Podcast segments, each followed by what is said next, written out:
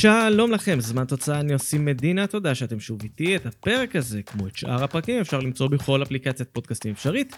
המון תכנים, כל הזמן, בפייסבוק, בטוויטר, בטלגרם וגם ביוטיוב. שם בכל שבוע עולה סיפור כדורגל נוסף שאי אפשר להעביר בפודקאסט ואתם פשוט צריכים לראות. בסוף השבוע האחרון לא על הסרטון, אבל השבוע אתם תקבלו כמה דברים יפים, ושבוע הבא חוזרים עם דירוג וופא. בקיצור, שווה להמתין. עכשיו, אל הפרק.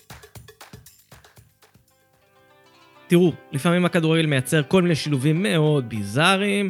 לרגל ההעפלה ההיסטורית של השכנים מירדן לחצי גמר גביע אסיה, הנה הסיפור על אחד ממאמני העל הכי גדולים שהגיעו לשם. אבל לפני שנדבר עליו, בואו ניתן רקע קצר לסיפור. במוקדמות מונדיאל 2014, ירדן רשמה הישג יוצא דופן.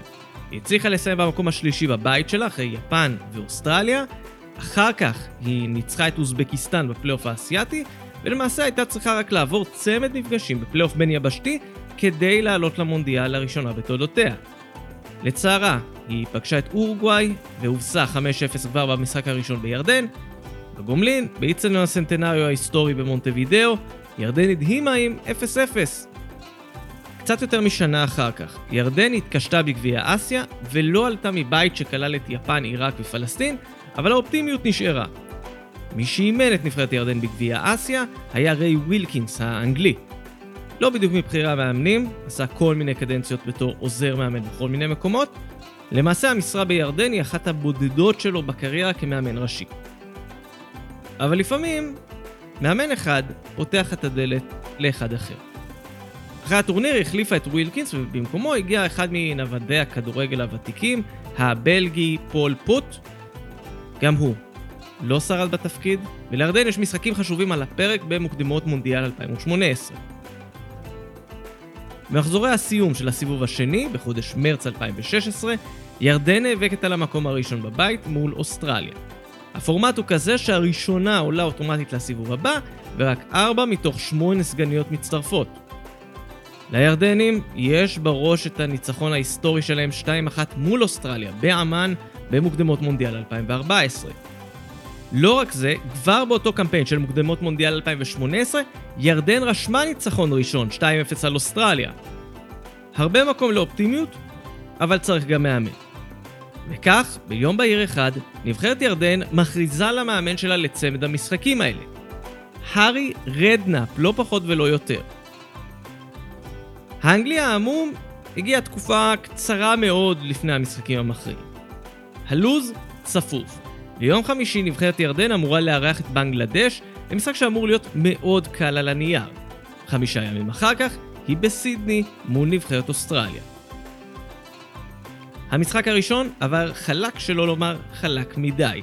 ירדן הביסה את בנגלדש 8-0, תצוגת תכלית של חמזה אל-דרדור עם שלושה הצגה. הדבר היחיד שלא הלך חלק זה רעיון ביזארי של רדנאפ לטלוויזיה הירדנית, שבו באמת שדר הקווים התנפל עליו בכניסה למנהרת השחקנים. במקביל, אוסטרליה מביסה את טאג'יקיסטן 7-0. ערב המחזור האחרון, שתי נקודות מפרידות בפסגת הטבלה בין אוסטרליה לירדן. גם המאזן של נבחרת ירדן הוא יחסית בסדר, 10 נקודות, הפרש שערים של פלוס 6, גם עם תיקו אפשר כנראה לעלות לסיבוב הבא בתור סגנית. רק שבמשחק מול אוסטרליה בסידני, ירדן התפרקה לגמרי. עד המחצית אוסטרליה כבר הובילה 3-0 מצמד של טים קייל ועוד אחד של אהרון מוי. במחצית השנייה האוסטרלים המשיכו בהצגה, תום רוגיץ' ומאסימו לונגו העלו ל-5-0.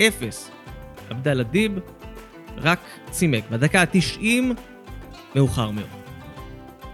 ירדן הובסה 5-1, הרסה לעצמה את הפרש השערים, ובהמשך כל יתר הנבחרות באסיה ניצלו את הפרש השעות, שיחקו כשהן יודעות מה הן צריכות, וירדן הודחה ממוקדמות המונדיאל.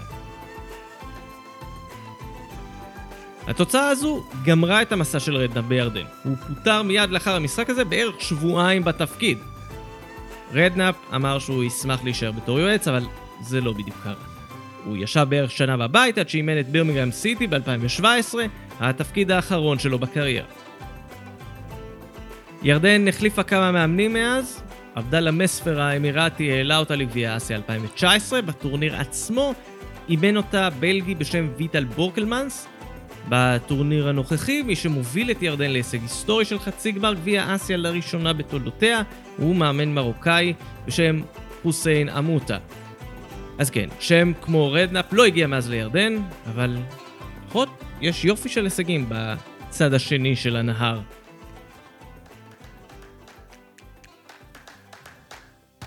אז זה היה עוד פרק של זמן תוצאה, אני עושים מדינה, תודה שהייתם איתי.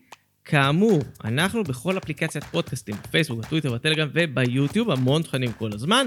אני כבר מחכה לשמוע מכם, תגובות, תהיות, רעיונות לפרקים, הבמה שלכם והיא לגמרי פתוחה. יהיו עוד פרקים, והם כבר בדרך אליכם, עד אז, ביי בינתיים.